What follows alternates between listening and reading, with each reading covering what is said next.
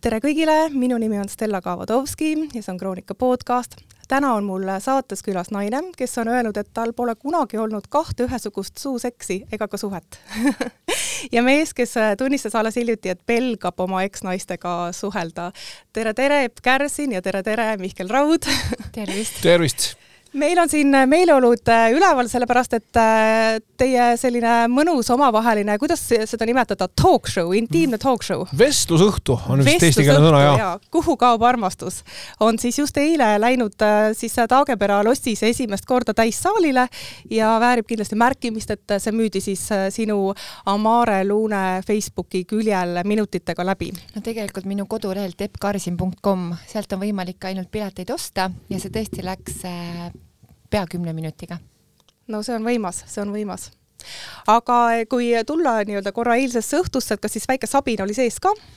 no mina pean tunnistama, et mul oli ikka ärevus ja natuke lavanärv oli sees, aga mind rahustas see, et Mihkel on vana kala ja ma usaldan teda ja see turvatunne, mis minul Mihkli kõrval olles on, on nii tugev, et ma teadsin, et seal ei saa midagi valesti minna jaa, et mul oli sama, sama lugu, et eks ma ka olen väga niisugune tõsine ja, ja, ja, ja põhjalik pabistaja. ja ma olen küll aastatega õppinud seda üsna oskuslikult varjama, et inimesed ei pruugi aru saada. ei, ei, ei arvaks üldse jaa, aga ma pabistan küll ja mina üldiselt hindan pabinat, ma arvan, et pabin on abimees, seda ei ole vaja karta. jaa, muide Andrus Vaarik on öelnud, et väike lavanärv peab alati olema, et kui seda ei ole, et siis, siis näitleja on, on kuidagi rikkis või lukkus. jaa, ja mul on ka elu näidanud, et kui ilma närvita midagi teed, et siis need on need vähesed korrad, kui asjad noh, ei õnnestu nii, nagu sa loodad, et eks loodus teeb meiega asju põhjusega ja ta on meid varustanud lavahirmuga selleks, et me laval paremini esineksime ja eks ta täidab meid teatava mingi adrenaliiniga ja eks seal on mingid keemilised protsessid taga ja see, see tunne iseenesest ei ole ju mugav, see pabistamise tunne, aga, aga ta aitab ja eks ma ka pabistasin. Äh, noh, me läksime ju tõepoolest, meil oli esi, esietendus eile, noh, nimetame seda siis esietenduseks, esimest korda me seda tegime. ja nagu ma ka seal ütlesin, äh, me tegelikult olime nagu omamoodi niisugune bänd, kes olime omavahel küll kokku leppinud, mis laule me mängime, aga me ei olnud kordagi proovinud, kuidas need mängud või need laulud meie esituses koos kõlavad. Ma just tahtsin öelda, et teema on ju iseenesest, eks ole, kuhu kaob armastus? no ja meil on seal terve hulk igasuguseid alateemasid ja me ja. räägime seal, eks ole, noh, seksist niikuinii, aga me räägime ka nii-öelda äh, arma-, armastuse leidmisest ja, ja tema hoidmisest ja, ja, ja kaotamisest ja ma ei tea, internetis armastuse otsimisest ja selle võimalikkusest ja ühesõnaga neid teemasid on tegelikult päris palju, mida me selle vestlusõhtu jooksul puudutame. ja minule tundub, et iga vestlusõhtu tuleb erinev, et seal on küll mingeid korduvaid teemasid, aga eile jäi ajast puudu, sest tegelikult see on oh, tunned, et sa tahaks veel ja veel midagi öelda. Ja ma arvan, et äh, võib-olla isegi võib juhtuda nii, et inimesed ka hommikul ütlesid, et äh, näeme järgmisel korral. Ehk võib juhtuda nii, et nad tulevad meid jälle kuulama jaa, no seda enam, et meil on ju terve hulk veel need ees, eks ole, me teeme Paides ja Viljandis ja, ja Tartus ja Pärnus ja Tallinnas, nii et äh, Tartu ja Tallinna omad on küll välja müüdud. nii et ega neid võimalusi väga palju ei ole, et ongi aga Viljandi. kuhu, kuhu inimesed saavad tulla teid kuulama veel? järgmisel nädalal, tegelikult juba kakskümmend viis mai algusega kell seitse on Wittgenstein ajakeskus Paides. sinna veel on kohti ja mõned kohad on veel Viljandis ja, ja Pärnusse Pärnus. vist ka jah, aga, aga jah, muud on, on juba välja müüdud. nii et see huvi on tõesti äh, täiesti hämmastavalt suur ja eks me muidugi ka tajusime, eile ma arvan, vähemalt mina tajusin ja ma usun, et Epp ka seda nagu niisugust täiendavat teatavat niisugust pinget sellega seoses, et inimeste nagu huvi, ootus on väga kõrge, et kas me ikkagi suudame nagu sellele huvile ja ootusele vastata. jah, täpselt Uh, nii et eks see ka natuke lisas seda lavanärvi. no aga sina oled ju põhimõtteliselt kakskümmend viis tuhat inimest välja koolitanud, eks ole? Epp. oled kahekümne viie tuhandele inimesele rääkinud, kuidas paremini äh, suhtes olla, seksida üht, teist ja kolmandat teha. sina, Mihkel, oled kirjutanud raamatuid, mis on täielikud hitid. ma ei tea, kas keegi on sind ületanud? noh, oleneb kuidas, kvaliteet, kvaliteedi mõttes kindlasti, aga, aga nii-öelda kvantiteedi mõttes ma jällegi ei tea ja aga, aga eks see Mustapori näkku on äh, vist üks müüdumaid eestikeelseid raamatuid küll peale iseseisv, taasiseseisvumist. nii et põhimõtteliselt selline unistuste kooslus istub mul siin tagasiside on meie koosluse kohta küll olnud äh, ääretult lahe, sest Mihkel Raud ja Epp Kärsin ühes lavalaua peal, see on midagi täiesti teistsugust. Ma eile rääkisin oma tütrele, et mul tulevad sellised saatekülalised ja siis ta küsis kohe, kas nad on siis abielus ja mul täna sõbranna ka helistas Valgast, sest tema jäi pääsmest ilma ja siis tema sõbrad pöördusid tema poole, kas Epp Kärisin ja Mihkel Raud on siis paar või ei ole paar. Mhm. ja no see oli jah, eks need on need kroonika pealkirjad ja, ja, ja kaanelood ja noh, tehniliselt ei ole midagi valet selles, kui sa kirjutad meie pildi juurde kaks seksisõpra on teineteist leidnud, noh, me olemegi teineteist leidnud, me teeme koos tööd. aga noh, seda on võimalik loomulikult mõista ainult ühtemoodi ehk valet valet mood, valet moodi. no ega see nüüd kedagi äh, ei peleta eemale, et arvatakse, et te oletegi paar. ja me ei ole paar, aga ma ei usu, et see kedagi eemale peletaks. jaa, kindlasti mitte no sina oled selles mõttes selline Teele sorti tüdruk, eks ole, kes äh, mäletatavasti Teele oli see, kes Tootsile pakkus iseennast ja ja, ja nagu ma lugesin äh, intervjuust, siis äh, sina olid ka see, kes kutsus Mihkli kohvile, ütles, et teeme selle talk show ära. jaa. olin küll jah oh., ja nii täpselt. kuidas sa suhetes oled, oled sa ka teile sorti äh, naine? mina ikka näitan välja küll, et äh, mulle keegi meeldib, sellepärast et pigem on olnud see probleem, et mulle ei julgeta läheneda see on muidu väga huvitav ja ma täiesti saan aru, miks sulle ei julgeta läheneda ja see on väga paljude naistega niimoodi ja need on, mulle tundub ja parandage mind, kui ma eksin Äh, ma arvan, et see võib ka sinuga, Stella, nii olla, et naised, kes on midagi justkui nagu saavutanud või naised, kes on kuidagi nagu edukad ja üks vahet ei ole, kas ta on äris edukas või loomingus edukas või mingis kolmandas asjas edukas, niisugused iseseisvad, endaga hästi hakkama saavad, nagu self-made woman, nagu sellise naise kohta öeldakse inglise keeles, et nad ikkagi natukene hirmutavad mehi, et, et mehed, ma ei tea, mida nad kardavad, nad kardavad korvi saada, noh, see on meie niisugune primaarne hirm alati, kui me naistele läheneme, meile öeldakse ära mm. -hmm. aga teine asi on võib-olla ka see, et me kardame teile kuidagi nagu, isegi kui te peaksite meid nagu omaks võtma ja meiega, ma ei tea, väljas käima hakkama. me kardame teie varju jääda ja me kardame tunda, et me oleme rumalamad kui teie, võib see nii olla? Ma ei usu selles mõttes, et mul on jälle tunne, et kui nagu ütleme Mihkliga date ida, et siis Mihkel on nagu star of the show nii-öelda, sama muidugi nagu Epuga, et ma mõtlen, kui Epuga date ida on täpselt sama no jaa, ainult et kas sa tahad olla see suhtes, kus nii-öelda, ma mõtlen mehena, kus, kus naine on siis see, see, see nagu staar ja see niisugune. jaa, okei okay,, aga kui ma mõtlen, hüppan nüüd äh, mänguliselt sinu peale, siis sina oled ju selles mõttes selline, kui ma mõtlen sinu kuvandit, sa oled selline meeleolukas, hoogne, äh, igale küsimusele on vastus olemas, samas alati on nali nii-öelda varrukast võtta, siis on loomulikult sul veel ka see kuulsus, et sa oled eh, nendes superstaari saadetes kuri, mis on ilmselgelt, räägime nüüd ikka inimestele lahti sinu roll, eks ole. aga, aga siis mõtledki, et huvitav, et kui ma sellise mehega välja lähen, et siis kas mul ongi midagi rääkida? Äh, no aga täpselt sama hirm võib tekkida sinu või Epuga välja minnes, et kas mul on midagi rääkida, et, et, et, et täpselt samamoodi, et ma arvan, et see ongi see põhjus, kui me nüüd tuleme selle juurde tagasi, et Epp räägib, et et võib-olla mehed noh, kardavad, kardavad võib-olla talle läheneda, et see võib-olla ongi see põhjus. Epp, kuidas sul on lood, kas mehed kardavad äh, sulle äh, läheneda, pead sa, sa ütlesid, et, et see enam-vähem nii on, aga palju neid julgeid hunte on, kelle rind on siis olnud ka seejärel rasvane? ei ole väga olnud et äh, need, kellega, noh, tegelikult ongi nii olnud jah, et need, kes on julgenud mulle läheneda, siis äh, need on olnud, need ongi minu mehed olnud. et ka see viimane mees on täpselt samamoodi, et tema lihtsalt tuli väga julgelt, enesekindlalt, ta ei teadnud üldse minu tausta, kas ma olen vallaline, kas ma olen suhtes. ja ta küsis hästi otse, et kas sind tohib äh, kutsuda õhtusöögile. seitsme aasta jooksul mitte ükski mees peale koolitust pole küsinud, kas tohib teid kutsuda õhtusöögile.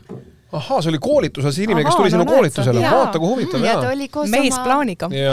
Eh, ta kusjuures ütles, et ta ei tulnud sinna koolitusele plaaniga Aa. mind õhtusöögile mm. kutsuda aga meil tekkis selline kuidagi elav vestlus ja, ja ta tundus mulle ääretult äh, sümpaatne.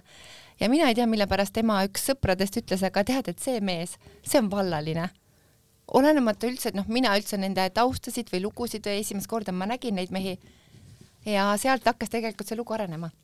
No Mihkel, sinul on tegelikult äh, selles mõttes samalaadne lugu, et äh, sinu äh, siis eksnaine, vist tänaseks, eks ole, Liina, tuli sinu saatesse ja seal diivanil hakkas midagi arenema, mida on siiamaani nagu telemaastikul ikka tuletatud meelde, kuidas äkki sädelmeid lendas vasakule ja paremale jaa, see tõesti niimoodi oli ja, ja, ja tõsi on see, et meie teed on tänaseks juba mõnda aega lahus, aga see kokkusaamine jah, ta oli jällegi nii-öelda äh, nagu professionaalses äh, kontekstis, ehk siis mina tegin oma tööd ja mulle tuli nii-öelda klient ja samamoodi, eks ole, Epp, talle tuli klient. aga siin on alati nagu see dilemma või see küsimus ja ma tahaksin Kepu käest küsida, et näiteks terapeudid, eks ole, et, et kuidas sa ennast vaatad selles olukorras, et kui, ja vabandust, Stella, et ma nüüd sinu käest küsimuse esitan. ei, see on väga hea. et te, te, terapeudil on väga kategooriliselt keelatud, eks ole, oma, oma klientidega klientidega välja minna ja täiesti nagu, täiesti nagu välistatud ja, ja, ja see on niisugune kutse-eetika nagu rikkumine ja nii edasi.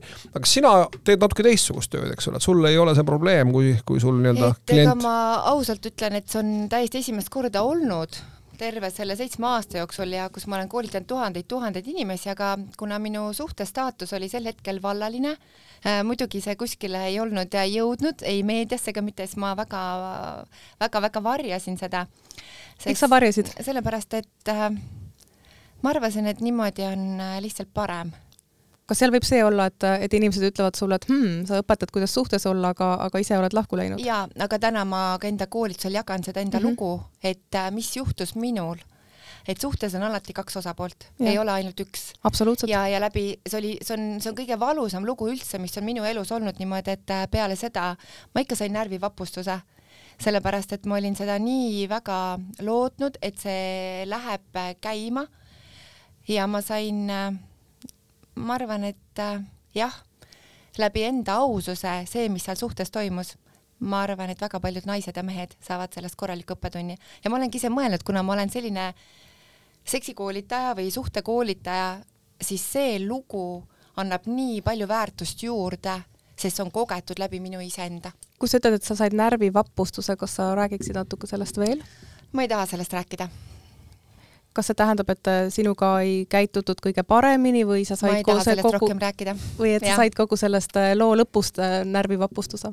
jaa, see lõppes väga inetult. okei okay.. minu meelest on see hästi nagu lahe, võib-olla kõlab selles kontekstis pahasti, aga see, kui, kui koolitaja ei ole mitte, ei esine ainult nii-öelda õnnestuja perspektiivist, et oh, jaa, täpselt, mul on kõik läinud mm -hmm. alati üle hästi, eks ole, mul kõik nagu toimib ja mm -hmm. ja, ja, ja, ja et tal on ka rääkida lugusid, kus ta on ebaõnnestunud ja meie see vestlusõhtu täpselt samamoodi on omamoodi niisuguse ekspert ja luuser ja on koos ehk ekspert siis inimene, kes, kes, kes, kes on seda asja õpetanud ja, ja, ja tun-, tunneb ja, ja, ja, ja teab, mis ühe või teise asja taga on, ehk siis Epp ja teisest küljest siis mina, eks ole, kes ma olen oma suhetes kogu aeg nagu kõhuli käinud ja ja, ja siiamaani, eks ole, olen suuteline täieliku nagu lollpeana, lollpeana ka käituma. et, et see on ka niisugune teatav niisugune noh, niisugune võib-olla lisaväärtus meie omavahelises dünaamikas, et, et meil on mõlemal väga erinev perspektiiv.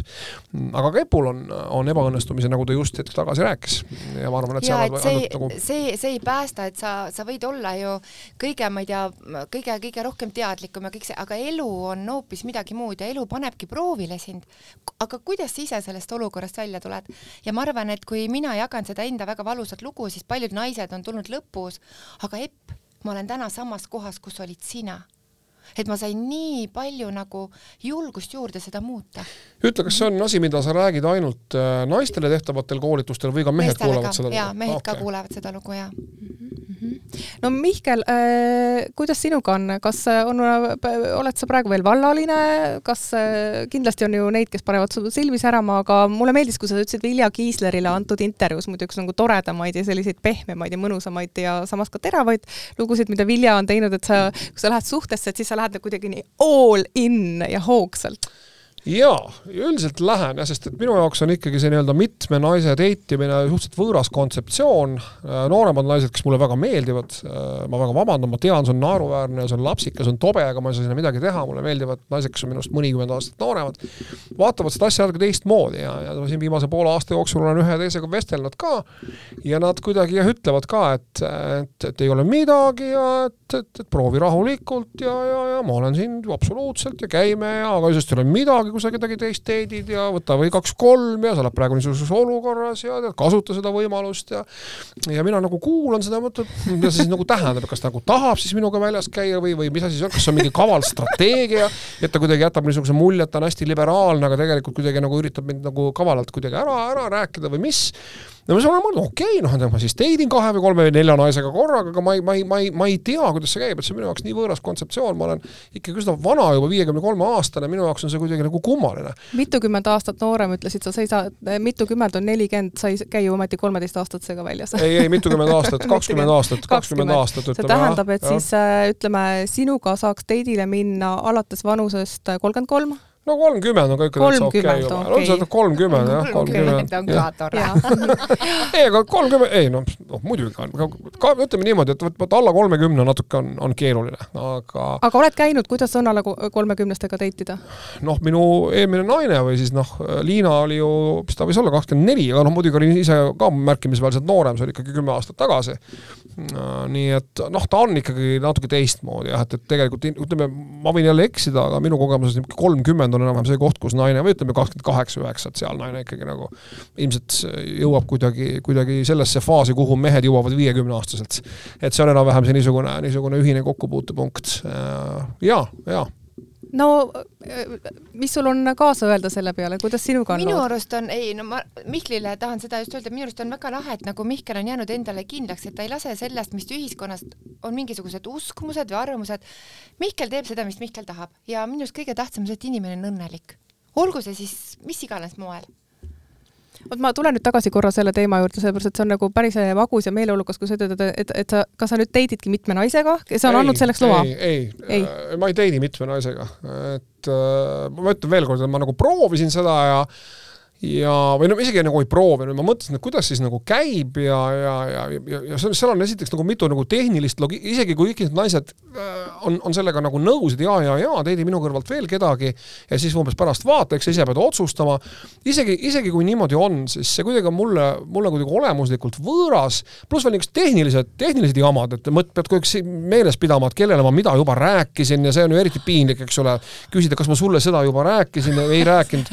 isegi kui nad, isegi isegi kui nad teavad, isegi kui nad teavad, on see ikkagi kuidagi nagu, kuidagi nagu naeruväärne ja tobe ja ühesõnaga noh, ma ei oska öelda, mina, mina ei ole, ei ole, ei suutnud seda teha. Kuidas on, sina äh, kuuled mehi ja naisi rääkimas, palju on neid mehi, kes ikkagi date ivad mitmete naistega? ei no mul oli alles hiljuti üks väga suur üllatus koolis, et ma arvan, et see noh, ta noormees, ta võis olla üle kahekümne viie plussi. Ja ta ütles, et temal on reaalselt kolm naist ja need kolm naist kõik teavad teineteist oh.. et ühega on väga hea seks, teisega ta käib kultuuriüritustel ja kolmas on see, kellega nad arutavad siis neid teemasid selliseid, mis mõlemale huvi pakuvad. selge. ja ta arvaski, et ega ühest naisest ei olegi võimalik kõike leida. tegelikult ilmselt ikkagi on ma arvan. no ta on veel noor no, ka. ta noor, ei absoluutselt jaa.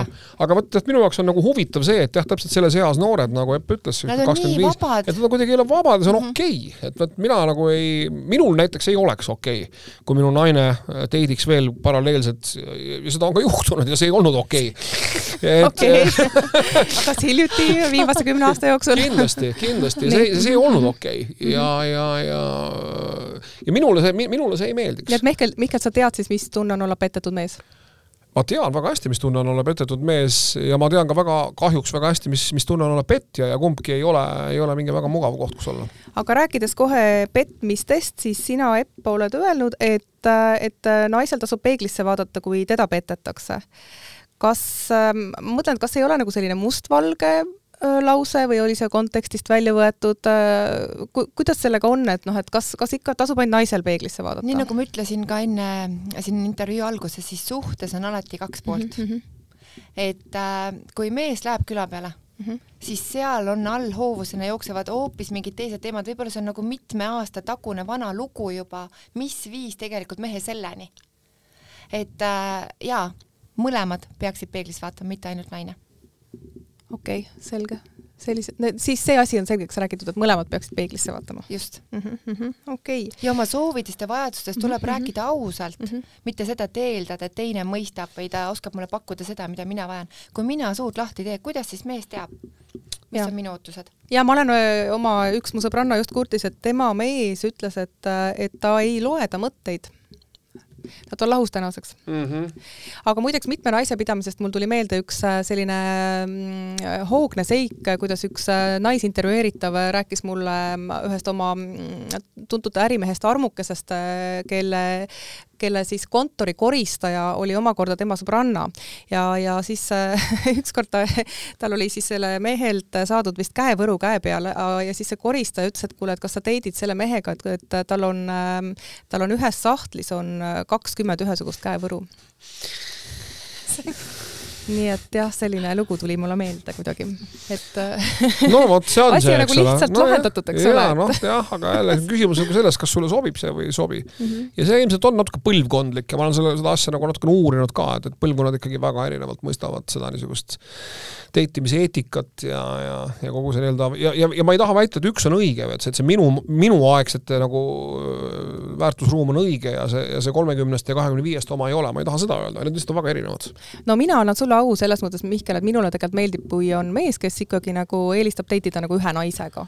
Et segadust on vähem, ma arvan. kusjuures jah, segadus on hea sõna, sellepärast et kui ma lihtsalt kujutan ette, kui sa nagu mitme naisega korraga date'id, sul lähevadki asjad segamini, mitte ainult see, mida sa kellele rääkinud oled, vaid missugune, mis sul kelle juures meeldis, eriti kui see, kui sa veel, kui sul on mingi professionaalne elu seal ka kõrval, see on üks tohutu niisugune virvarr ja karussell ja sul läheb lõpuks, lõpuks väga segaseks see pilt, ma arvan. aga ma arvan, et selline nagu mingisugune, ütleme, afääride ja, ja segaduste kirg nende vastu sul peab olema sees, sest et äh, mul tuleb kohe lugu meelde oma teisest tuttavast, kes rääkis, kuidas ta vist maandus lennukiga ja siis äkki teatasid turvamehed vist Tallinnas äh, tema äh, siis boyfriend'ile, et tema naine on tegelikult lennujaamas praktiliselt luuaga vastas ja siis ta pidi passima seal nagu kõigepealt lennukis ja siis ta pidi passima seal oma kohvriga ja nii edasi, siis ma mõtlesin, et issand, kui keeruline, et, et selles mõttes, et, et aga ma arvan, et see mees nagu võib-olla naudib seda. või kuidas on, Epp, sina tunned neid inimesi? kakskümmend viis tuhat, seal on kakskümmend viis tuhat lugu ja veel rohkem. ma, ma arvan, et me ei peaks elama oma elu keeruliseks. minu arust muid asju elus on nagu nii palju, millega tegeleda, et paarisuhe võiks olla ikkagi, et see ei ole mingi sõjatanner ja me ei pea pidevalt konfliktis olema, et et paarisuhe peaks olema see, mis on nii suures kerguses ja nii, nii, nii nagu loomulik ja ja ma, kui ma olen paarisuhtes, ma ei pea enda tiibasid hakkama kärpima, ma pean sinna sobituma.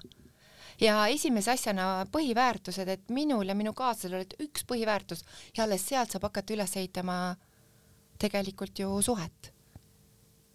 nii ta on. Äh, Mihkel, äh, põhiväärtused, sa siis äh, tunnistasid, et sa tead siis viimase kümne aasta jooksul, mida tähendab olla petetud mees? Jaa äh,, aga veel kord, et äh, noh, jõle, jõle lihtne on, eks ole, tulla ja siin teie ees kaunid daamid, eks ole, alada ja, ja, ja, ja, ja kurta, kui, kui jube, jube õudne ja raske see kõik oli äh,. aga ma olen sellel teisel poolel ka, sellest on nüüd küll õnneks äh, väga palju aega möödas, ka olnud, et ma olen ka olnud see petja ja, ja truuduse murdja ja, ja, ja nii-öelda armukese pidaja. ja, ja noh ma nagu ühest küljest saan, saan väga hästi aru, äh, mis toimub inimese sees või, või mis võib teda viia selleni, et, et sellised äh, truuduse murdmised ette tulevad. Äh, aga teisest küljest see kuidagi ei tee eh, sinu olukorda lihtsamaks siis, kui sa oled see, keda, keda petetakse, et seda on niisugune keeruline, keeruline värk, aga, aga inimsuhted ongi keerulised ja, ja niisuguste, niisuguste truuduse murdmiste ja niisuguste südamevalude tegelikult üks niisugune noh, jällegi seda on jõle lihtne nagu rääkida ja võib-olla nagu selles kohas ol, olles võib-olla veidi raskem nagu mõista, aga tegelikult need on head asjad, eh, kui need sinuga juhtuvad. jah, ühest küljest sa muutud selle protsessi käigus võib-olla kuidagi natuke küünilisemaks ja kuidagi sa saad haiget, õiget. aga teisest küljest need ikkagi kasvatavad sind isiksusena tohutult, sa oled järgmine kord targem, äh, paned võib-olla rohkem asju tähele. et see tunnel, millest sa ennast läbi litsud selle niisuguse, niisuguse keerulise aja jooksul, on küll väga pime, aga see tuluke, mis selle tunneli teises otsas vilgub, on seda eredam. inimesed ikkagi arenevad kahjuks läbi kannatuste paned asju rohkem tähele, kas sul jäid mingisugused nüansid tähele panemata, mingid punased lipukesed? Jaa, ja mitte niivõrd selles, mida teeb minu naine või minu kaaslane, vaid selles, mida ma ise teen, et täpselt nagu Epp rääkis, et see, et see noh, et see, et see allhoovus, kui, kui keegi läheb küla peale, et see allhoovus on tegelikult see põhjus, et, et, et seda, et sul on kõik jõle hästi ja sa siis lähed lihtsalt nagu moe pärast või lihtsalt mingi lusti pärast kuhugi nagu hüppama, et seda ilmselt ikkagi seda väga ei ole. ei saa olla, eks ole. ja vot neid samu allhoovusi on vaja õpp, õppida märkama ja ma tean küll, Epp ei ole sellega päris sada protsenti nõus, me eile natukene rääkisime sellest ka oma vestlusõhtu jooksul ja ja, ja, ja noh, minu väide on natukene see, või see ei ole küll minu väide, mina olen seda välja mõelnud, aga ma nõustun selle väitega, et tegelikult ükski inimene ei ole nagu kinni, et me tegelikult kõik oleme vabad. no hea küll, kui ma eile abiellusin või üleeile et siis ma tõenäoliselt veel ei otsi oma järgmist suhet, aga kuidagi alateadlikult me ikkagi kõik kuidagi püüdleme mingisuguse järgmise ja veel ilusama ja veel täiuslikuma ja veel õnnelikuma suhte poole. ja, ja nii, kui selles olemasolevas suhtes äh, on, on mingisugune jama, ja nii, kui selle olemasoleva suhte jamaduse baasil või selle pinnal või selle kohal äh, kerkib keegi, kes, kes on valmis äh, sinu kaaslasele pakkuma kas või illusiooni sellest paremast, ilusamast suhtest, nii on, on jama majas. ja seetõttu tuleb selle suhtega kogu aeg töötada ja mulle ka nagu noh, ma olen ka kuulnud, eks ole, kõik räägivad, oi, sa pead oma suhtega kogu aeg töötama ja vaeva nägema, siis noh, mis, mis töötama ja noh, see on tavaline elu, aga tegelikult on selles ikkagi väga palju tõtt selles väites. sa pead, sa pead töötama, sa pead panema tähele asju, nägema võimalikke probleeme ja nii edasi. ja see suhtes kohalolek igapäevane kohalolek ja kui palju vajab mees tähelepanu, kui palju vajab mees tunnustust ja positiivset tagasiside ja samamoodi eh, öeldakse, et eh, Gunnar Aarma raamatus Et saada õnnelikuks, ta on kirjutanud sellest, et naised vastutavad suhte vaimse emotsionaalse tasakaalus kuuekümne protsendi ulatuses. millegipärast meil naistel on parem kontakt oma tunnete, emotsioonidega. ja kui see mees on selline hästi lukus ja kinnine, siis naine oma avatud suhtlemisega, oma avatud südame ja sellise tingimusteta armastusega, ta silitab, ütleme piltlikult öeldes selle mehe külmunud südame ja see mees ühel hetkel hakkab samamoodi avanema aga kas meil on alati seda aega ja seda teadlikkust? ehk suhtes tähelepanu, tähelepanu ja veel kord tähelepanu, nii naiselt mehele kui mehelt naisele. kas tihti äh, on sinu juures need inimesed, kellel äh, nii-öelda on kõrini sellest, et nemad muudkui annavad tähelepanu, aga kuidagi äh, vastu ei saa? minu koolitusele sellised inimesed ei jõua oh tulevad need, kes on olnud pikalt paari suhtes, ma olen nüüd ja. küsinud järjest, eh, tulevad need, kes on läinud lahku ja tahavad oma uut suhet luua palju teadlikumalt ja, ja nii see ongi, sest need, kellel on suhtes ikka väga suur jama, siis nad on juba käega löönud, ah, mis siin enam, kuidagi mõttetu okay.. Nad ei, ei panusta enam sellesse suhtesse. no kuhu kaob armastus?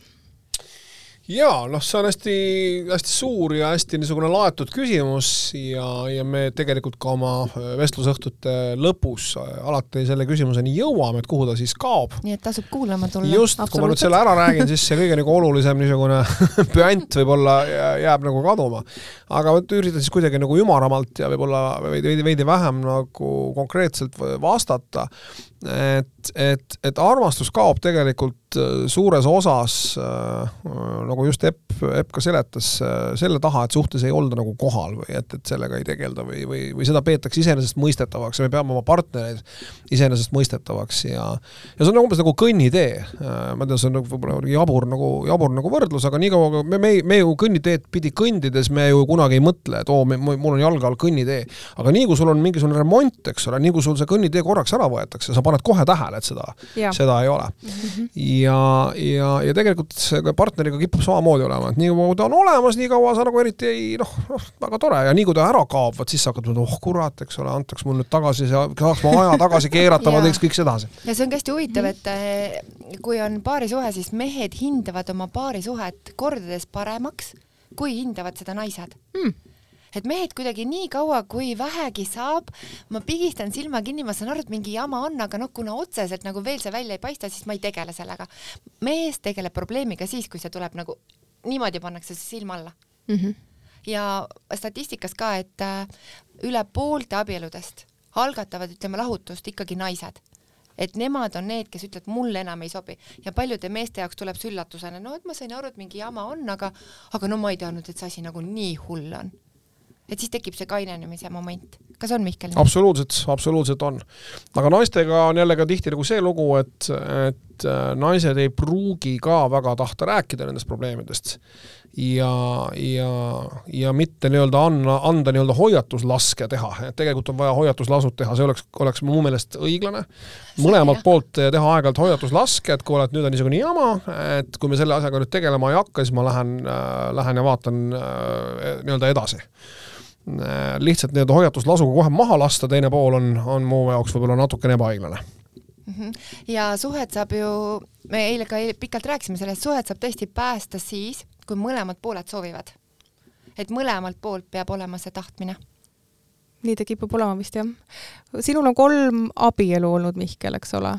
Nii et, nii et kas, kuidas sa tunned, et kas, kas sa oled ikka see tüüp, kes, kes tahaks nagu ka neljas kord sõrmuse sõrme panna, et, et oleks nagu asi ametlik või, või kuidas, oled sa selles mõttes selline vanakooli mees et...? ma üldiselt olen, aga kui ma peaksin praegu vastama ja, ja, ja praegu ära otsustama kogu ülejäänud siis ma tõenäoliselt rohkem ei abielluks. Okay.. jah, ma et üldiselt olen, olen, ma olen jõudnud jah arusaamiseni, et tegelikult abielu on küll nagu mõnes mõttes ei ole tore, ongi täpselt niisugune klassikaline vanakool ja ja kõik on vägev ja sa teed pulmad ja sõbrad ja süüakse ja juuakse ja kõik see on vahva ja ja mõned võib-olla mingisugused niisugused paberimajanduslikud asjad on ka võib-olla natuke lihtsam korda ajada, kuigi neid jääb järjest vähemaks aga ei, et ma arvan, et äh, mul vähemalt praegu ei ole küll plaani äh, ei abielluda ega ka rohkem lapsi saada. aga mulle tundub, et abielu on rohkem oluline ja vajalik naisele. ma ise olen ka niimoodi arvamas. jaa, et äh, jaa kindlasti see annab naisele kuidagi sellise kindlustunde ja et me oleme üks perekond, et kui on veel lapsed, et siis me oleme kõik ühe perekonnanime peal. No mina näiteks äh, ütlen kohe, et äh, minu meelest on absurdne, et äh, selles mõttes äh, ma vabandan kõigi naiste ees, kes peavad seda väga okeiks, selles mõttes, et ma ei äh, anna hinnanguid, aga minu meelest on absurd, et ma pean võtma oma mehe perekonnanime Äh, selles mõttes, et ikkagi minu nimi on minu nimi, äh, lepime kokku. sinu nimi on sinu isa ema nimi, sinu isa nimi muide. see on minu isa nimi jaa, aga nüüd on see juba minu nimi, mis minu käest, see minu oma, eks ole. ja, ja siis nüüd ma pean hakkama, eks ole, siis võtma mehe nime, et noh, et mulle see tundub jälle selline mm, ütleme kuidagi kahtlane selles mõttes, et äh, nii või teisiti me ju jagame oma elu, oma teed, oma tegemisi, aga mis mõttes ma nüüd selle nime võtan? jaa, ma olen sinuga, ma olen sinuga nõus. see on, milles ma olen sinuga väga nõus. Stella, mina olen, noh, ma olen sinuga ühte meelt, et kui mm -hmm. mina peaksin täna abielluma, siis mina jätaksin oma nime mhm. alles mm. -hmm ja võib-olla siis tuleks liidesega, siis Just, tuleks nagu ja, juurde jah, see võib äärmiselt, ma olen ka väga nõus, et see, see nime nii-öelda, aga mm -hmm. paljud naised tahavad seda ja ma ei tea, miks nad tahavad. ilmselt see okay. alati on nii okay., alati on ja, nii olnud, eks ole, see on kuidagi. miks ei võiks mees võtta üldse naise nime? Neid on võib, neid on ka, aga põhiliselt on põhjus siis, kui jah, sul on nõme perekonnanimi ja see on nii-öelda, on, on, täiesti inimestel on. Teinekord, on perekonnanimistele ei meeldi ja siis nad nii-öelda naise kaudu saavad. jämel on ju tegelikult väga suur vägi, et ma mäletan, kui mina abiellusin ja ja siis oli mehe nimi ja siis ma lahutasin ja siis ma ikkagi jätsin mehe nime, sest mulle tundus, et ma olen lapsega siis ühe nime peal. ja ühel hetkel ma tundsin, et no ma ei ole see, et ma ei ole see ja läksin, võtsin tagasi oma vana nime ja ma tulin sealt ära, ma tundsin, see olen mina teine inimene kohe, eks ole. täitsa teine mm -hmm. inimene ja. et see nimi kuidagi kannab endas väga tugevat energiat. kusjuures me ei saa nagu muidugi hukka mõista selles mõttes neid, kes võtavad nimesid, et, et ja, selline, mulle lihtsalt meenus äh, oma tutvusringkonnast üks inimene, kes äh,, kellel on minu meelest ääretult ilus perekonnanimi ja kui me ükskord hakkasime rääkima, et ta nüüd ta võtab oma mehe nime, siis äh, siis ma ütlesin, aga sul on ju nii ilus nimi ja ta oli täiesti hämmingus, et keegi ei ole talle varem seda öelnud, et tal on ilus nimi ja ta oli oma perekonnanime alati inetuks pidanud, nii et noh, inimestel on nagu erinevaid viise, kuidas tea, nad sellest nimest ja. põgenevad. ma ei tea, kas seda nüüd passib öelda, aga see on mõeldud, mõeldud ainult sümpaatia ja komplimendina, ma olin äh, nooruses väga suur Kare Kauksi austaja, mitte ainult muusika austaja, ta oli minu arust ikkagi naisena tõeline, tõeline nagu noh, ikka tõeline niisugune noh, unelmate naine. ja mäletan, ma olin ikkagi väga pettunud, kui Kare Kauksist sai Kare Karu ühel päeval, et ta ikkagi abiellus ja võttis, võttis oma mehe nime, noh, mis on, on kuidagi nagu loogiline, aga minu jaoks jääb ta alati Kare Kauksiks ja, ja, ja, ja, ja niimoodi ta ennast, niimoodi ta, nii, niimoodi ta nii-öelda ajalukku ikkagi jääb. kusjuures huvitaval kombel mina ei teadnudki, et ta on olnud äh, proua Karu. jah. ja mina ka täitsa esimest korda kuulen. Kare Kauks. jah, ikka, just, jah, jah äh, me rääkisime siin ennem petmisest, sellest, et mis tunne on olla petetud mees, nüüd ma siis äh, küsin sinu käest, Epp, et kas sina tunned, tead, mis tunne on olla petetud naine? Ja ma olen olnud sellises äh, ülemineku suhtes, kus mees äh, tuli kodust ära ja me olime, võiks öelda, väga õnnelikud. aga ma ei teadnud seda teist lugu. Ja siis ühel hetkel, noh, ta käis kogu aeg oma, minu juures ja siis oli, ütles, noh, et ta käib kodust asju võtmas ja ja, ja siis ühel hetkel ma tundsin, naisel on see intuitsioon. Ja ma küsisin ta käest, et kas sa seksid veel oma vana naisega siis ta vaatab mulle otsa, siis ma sain aru mm. -hmm. siis ütleb jaa, aga ta ütles, aga tead, see on lihtsalt seks, mul ei ole tema vastu mingeid tundeid oh. ja ma olin ikka täitsa šokis, et mm -hmm. nagu mis mõttes, et kuidas niimoodi saab teha, et minul on ikkagi see, et minu keha on äh, püha, et kui ma olen oma mehega suhtes, siis ma olen temaga suhtes. ma ei saa väga, mulle, mulle ei mahu, see, see ei mahtunud mulle pähe nii et äh, see oli väga-väga valus kogemus minu jaoks mis värk on nende naistega, kes ikkagi nagu hoolimata sellest, kui mehed on ära läinud ja võib-olla neid isegi maha jätnud ja neid võib-olla alandanud isegi mhm. avalikkuse ees ja nii edasi, edasi-tagasi, mis värk on nende naistega, et nad ikkagi tahavad oma, oma endise mehega seksida? tead, äh, seal on äh, noh, sellel konkreetsel juhtumil oli see, et äh, või ma arvan, et võib-olla on ka see, et isegi kui me oleme, kui ma olen mees, näiteks ma mõtlen niimoodi siis meestel on hästi suur hirm muudatuste ees. Neil on kuidagi mingi turva, turvatunne isegi selle vana naisega, kui ta on õudne, ta mõnitab, ta alandab sind. aga sa ei tea, mida su uus on veel. siis ikkagi see vana tuttav turvaline, isegi kui ta on väga valus, sa tead, et homme on sama jama mm. -hmm ja see mugavustsoon on minu arust see, mis ei lase inimestel tegelikult sellest vanast mustrist välja astuda. ja teine asi on see, et et, see väljaastumise hetk tihtilugu, see on ju reeglina üsna ebameeldiv. ja need vanad raske. naised, kuidas nad hakkavad manipuleerima, kuidas nad toovad lapsed sinna mängu oh,, kuidas nad muutuvad nagu nii noh, tõelisteks õudusteks. ma tahtsingi sinna jõuda, et need naised, kes on siis äh, maha jäetud või, või kellega on isegi ko ühele kokkuleppele laht-, lahku mindud, eks ole, et kas neil ei ole nagu mingi teatav äh, võim või selline rõõmus hetk, kui siis ikkagi toimub see vahekord selle mehega, kellel on keegi teine juba? ja, ja, ja kindlasti ja, ja teiseks on ka hästi huvitav, et kuidas äh, need mehed ju, ju teavad, et rahaga on võimalik väga palju muuta tihti on minu arust see, et mida edukam mees, mida rikkam mees, seda rohkem justkui on neile lubatud ja ostetakse kallimaid autod, ilusamad reisid äh, ja nii edasi, et äh, raha kogus, suurus määrab ära selle ja mees saab koju tagasi minna. naine teab, et mees käib küla peal, aga mul on kõik hästi mm. -hmm. ma tean, et mul on ilus kodu, meil on ilusad reisid ja välisfassaad on väga kaunis. aga päriselt, päris armastust, päris elu selles suhtes ei ole no Mihkel, kuidas sinuga on äh, lood, kas, äh, kas sina, äh, kõrgepalgaline, nagu ma olen lugenud lehest, kas sina tunned, et noh, et ütleme, et kui mina olen see, kes nagu toob leiva nagu ikkagi majja ja maksan arveid, et siis ma nagu ütlen ka rohkem? kindlasti mitte. Mul on, on viimaste aastatega tekkinud vastupidine, vastupidine põhimõte ma väga ikkagi eeldan ja mitte enda pärast, vaid, vaid põhimõtte pärast. Ja, ja mitte isegi niivõrd põhimõtte pärast, kuivõrd naise pärast. Ja, ja, ja mul on hästi tähtis aru saada kohe alguses, kas naine mõtleb nii või ei mõtle. mul on ikkagi väga oluline see, et mõlemad panustavad suhtesse või koosolemisse võrdselt. Ja see ei tähenda seda, et üks, et me mõlemad paneme, ma ei tea, mingisuguse asja sisse nii X võrdse hulga äh, eurosid, vaid et, et, et see võib olla ka mingisugune noh, ma ei tea, ma tean, et mõned, mõned paarid on kokku leppinud protsendi näiteks oma sissetulekutes, kui palju ühistes ela, elamistes äh, nii-öelda äh, raha kulutatakse või panustatakse.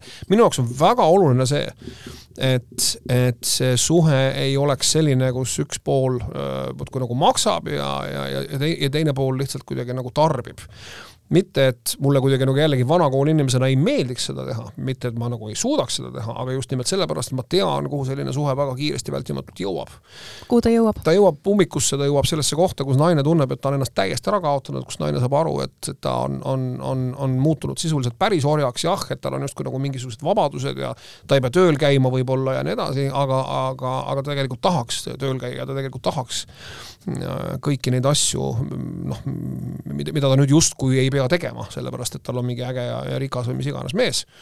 et, et nende asjade, nende asjade vält-, vältimine on absoluutselt kriitiline ja, ja, ja naine peab kohe esimesest päevast äh, noh, ka aeg-ajalt äh, võib-olla isegi täiesti kokku lepitud arv kordasid nii-öelda õhtusöögi eest maksma. noh, see kõlab väga pahasti mm, -hmm. aga, aga, aga, aga mulle meeldib käia väljas naisega, kes, kes niimoodi mõtleb ja tihtilugu seda ka ise nagu sõnastab, et, et, et see peab olema nii. ja, et ma tahan veel eelmise teema juurde, et äh, need edukad mehed, kes äh, võib-olla nüüd kuulavad seda podcast'i, et see ei ole kõikide puhul niimoodi, aga minu arust, mida suurem on inimese ego ja mida hinge, mida väiksem on tema hinge areng seda rohkem ta mõistab, et raha eest on võimalik saada kõike mm. -hmm.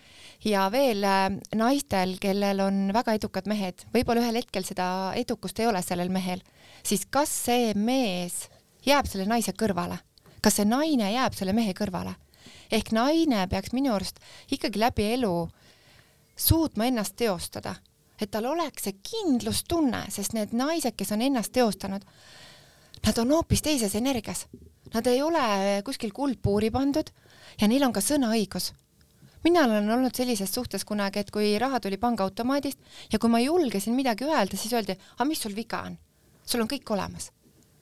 ja loomulikult ma astusin sellest suhtest välja, nii et mul oli kaks kätt taskus ja ma olen nõus, äh, rääkides sõnaõigusest, siis äh, just üks äh, tuntud moekunstnik käis siinsamas podcastis ja ta rääkis, kuidas tal käivad kliendid ja, ja võib-olla nad ei taha seda dekolteed selga panna, võib-olla nad ei taha seda sellist, ütleme, tõmbelukku endale selja peale, aga kuna mees maksab, siis mees ütleb, mis sa pead selga panema see on naeruväärne loomulikult ja, ja, ja, veel kord, et, et, et minu jaoks on hästi kriitiline, kui ma lähen naisega välja ja kui ma üldse nagu kaalungi temaga suhet, siis, siis minu jaoks on hästi tähtis, et ta saab iseendaga hakkama, et, et see on minu jaoks väga-väga-väga oluline. mina, mulle meeldib see, et ma aeg-ajalt ütlen ise oma mehele, tead, et kallis, et sina kogu aeg maksad, et las mina maksan ka. ja siis ta ütleb, kui see on sinu väga suur soov sa võid seda teha, aga ma tunneks ennast paremini, kui ma teeksin seda ise. Ja siis me noh, ikka olen saanud maksta küll ja mulle meeldib see. Äh, ütle, mida sa ütlete, mida te mõlemad ütlete hoiatuseks nendele, et noh, Eestis on ka näiteks ütleme, see avalikku tähelepanu saavad sellised ähm, erinevad noored ähm, influencer'id, kes äh, räägivad, et kuidas tuleb nagu meeste kulul elada ja mehed peavad kõik nagu asjad kinni maksma ja nii edasi, et nad on nii noored, nad, nad muidugi täpselt ei tea nagu, kus nad nagu lõpetavad ühel päeval suure tõenäosusega, kui, kui see jääb nende ainsaks karjääriks. aga, aga kuidas ikkagi nagu ähm,, mida vastata sellistele juttudele? no mina ütleksin niimoodi, et et äh, kui sa oled paari suhtes ja see paarisuhe üle, ühel hetkel läbi saab, siis elukvaliteet ei tohi muutuda. sa pead suutma iseendale samasugust elu pakkuda. geniaalne vastus minu jaoks on see jällegi, ma ju neid influencer eid ei tea ja ma ju täpselt ei tea, mida nad räägivad või ei räägi, aga, aga eeldades, et see tõesti niimoodi on, et nad räägivad, kuidas inimesed peavad või kuidas naised peaksid oma meeste kulul elama, siis see minu jaoks ei väga oluliselt ei erine prostitutsioonist, millest me ka muide räägime oma, oma -hmm. oma, oma õhtutel. Äh, et see tegelikult on ju, ju, ju, ju puhas prostitutsioon. Äh, ja, ja jällegi, äh, ma olen kaugel sellest, et kuidagi prostituute kuidagi hukka mõista või, või, või kuidagi seda kõike nagu väga mustvalgelt nägema või sellest rääkima aga, ja prostitutsioon on täiesti nii-öelda noh, kui see on vabatahtlik, loomulikult on väga palju äh, naisi ja, ja tüdrukuid, keda, keda sunnitakse sellega tegelema. aga kui see on tõesti vabatahtlik, siis jumala pärast, see ei ole Eestis vähemasti keelatud. aga äh, ma julgen arvata ja ma tean, et on, on, on paremaid nii-öelda elamise ja eneseteostamise vorme. ja, ja paremaid, kindlasti paremaid viise oma unistusi täita, eks ole. ja öeldakse, et kui me käime seda teed, mis on äh, mis endale pakub rõõmu ja mis on hästi kerge ja, ja kui sa teed midagi, mida sa päriselt kirega armastad, siis äh, minu arust see küllus ja materiaalsus tuleb sinna juurde automaatselt. nii ta kipub olema, sina oled selles mõttes elav näide ja Mihkel, sina ka kui sa nii ütled no selles mõttes on tore vaadata, kuidas teil siin silmad säravad, eile, eile on läinud korda ja, ja ma saan aru, et, et teil on, üritused on praktiliselt kõik välja müüdud ja meil on piletid saada. No, sinna, sinna-tänna veel on natuke saada, jah. aga, aga ma, nii palju, kui ma äh, kuulsin, siis ka firmad on huvitatud, et kutsume teid näiteks oma sellisele intiimsele õhtule ja siis te räägite seal, et ja, see võimalus on ka. ja et väga mitmed firmad on teinud juba päringuid selle kohta, et on suvepäevad tulemas ja see poolteist tundi formaat sobib sinna ideaalselt. et ta on hästi arendav, ta on hästi tempokas, ta on hästi hoogne, ta on hästi lõbus. nii et äh, kindlasti, kes meid täna kuulevad, et me oleme Mihkliga mõelnud, et see projekt ilmselt jääb meil kestma pikaks ajaks. aastateks, see on nagu bänd, eks ole, kes teeb küll oma tuuri, aga, aga käib esinemas ka siis, kui kutsutakse. ja siis äh, jääb vaid nii-öelda lõppu küsida, et millal on oodata ühist raamatut? noh, mine tea, mine tea, ära ütle kunagi mitte või kuidas see on, never say never öeldakse inglise keeles, just. Mm. -hmm. et see oleks igati selline tore meeleolukas jätk, et raamatuid te saate ju veel ka nii-öelda oma siis tuuril müüa. Kõike on võimalik teha, kõike on võimalik teha, absoluutselt. Täna küll oli niimoodi, eile oli veel küll niimoodi, et äh, Mihklil ei olnud raamatuid kaasas, minul oli omad tooted kaasas, Kookos oli purgid ja bestseller tooted ja neid osteti väga palju. no näed sa. väga lahe. et peale vestlusõhtut alati, kuna ma arvan, minu arust see äh, kirg, kas sa nägid, kuidas paarid hakkasid üksteist kallistama kihelema ja kihelema ja seal tekkis selline nii mõnus armastuse ruum, et ma arvan, et peale seda vestlusõhtut kõik tahaksid magamistoas natukene. ja ma arvan, et selleks sobib see kookosõli või see sinu õli paremini kui minu raamatus aga Mihkli raamatus on nii palju tarkust, see, see Mihkli raamat, viimane, mis on, see on mm -hmm. väga lahe raamat, nii et ma loen seda ja naeran ja, ja, ja see on väga eluliselt ka endal tunned ära väga tuttavaid kohti. mul on väga-väga suur rõõm siin teid näha, ütleme nii, et täna ei ole väljas nagu kõige sellisem päikesepaistelisem ilm, aga meil siin Kroonika podcasti stuudios küll on sellist tõelist päikesepaistet ja sära.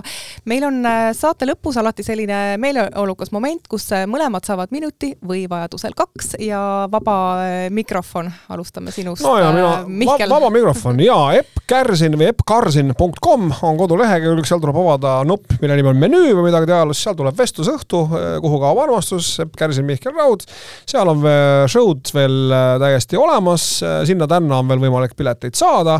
Nagu Epp siin jutu alguses ka nimetas, need show'd suure tõenäosusega saavad olema väga erinevad, nii nagu ükski bänd ei mängi, eks ole, alati ühtemoodi oma laule kontserditel. nii ei tee seda ka meie, nii et isegi kui te käisite meid Taageperas või, või kusagil mujal kuulamas, siis alati tasub, tasub uuesti tulla. ja, ja, ja sest ja tõsi on ju ka see, et, et, et tegelikult see, mismoodi me räägime, hästi palju ikkagi sõltub ka sellest, mis vibe'i või nagu selle niisuguse energiaga on publik. ja selles mõttes oli eile hästi-hästi lahe ja, ja Taageperas oli tõesti minu meelest väga kihvt, kihvt, kihvt rahvas, nii et äh, piletid sinna-tänna veel on, nii et tulge aga ja, ja kohtume ja räägime, vahetame mõtteid ja, ja need, kes äh, on tulnud ka eile, ma kuulsin, et olid äh, neli naist olid tulnud spetsiaalselt Saaremaalt meid kuulama, mis tähendab, et suvi on väga suur ja peale vestlusõhtut nad ütlesid, et hm, me ei olegi sinu ühelgi koolitusel käinud, et meil tekkis nii suur huvi, et tahaks äh, ka koolitustele tulla. ehk ma arvan, et need inimesed, kes on muidu mõelnud, et ei, et ei tea, kes see Epp on, et nüüd, kui nad tulevad sinna vestlusõhtule, nad saavad meid näha, nad saavad ise tunnetada, tajuda, nii et ma arvan, et ka peale seda vestlusõhtut on on äh, rohkem inimesi, kes saavad aru, et see, mida ma teen, ma ei riku kellegi inimese elu, vaid ma vastupidi, annan neile võimaluse saada teadlikumaks, luua oma suhe veel täiuslikumaks, kui see täna on. no väga ilusad sõnad aitäh teile mõlemale stuudiosse tulemast. aitäh, Stella. see oli siis äh, Kroonika podcast, stuudios oli Stella Kavadovski, me kuuleme jälle ja mis siis äh, need lõpusõnad võiks olla, et pöörake ikka teiste, teineteisele rohkem tähelepanu, eks ole. kuulake, jälgige neid allhoovusi, rääkige äh, ja töötage, töötage oma suhtega nii, nagu te töötate oma professionaalse eluga ja, ja tehke oma suhtes suhteauditit aeg-ajalt, et te räägite südamest südamesse ilma igasuguse hirmu jääbita sest partner ei oska lugeda sind ridade vahelt. ehk nagu inglise keeles öeldakse, assumption is the mother of all fuck ups ehk siis midagi eeldada ei tohi, asjad ja. lähevad tuksi. This is very true armastage ja olge armastatud. no vot, teiega on nii tore, et see jutt ei saagi otsa, nii et ma ütlen nüüd kähku aitäh kõigile kuulamast aitäh. ja kuuleme jälle, nägemist. nägemist.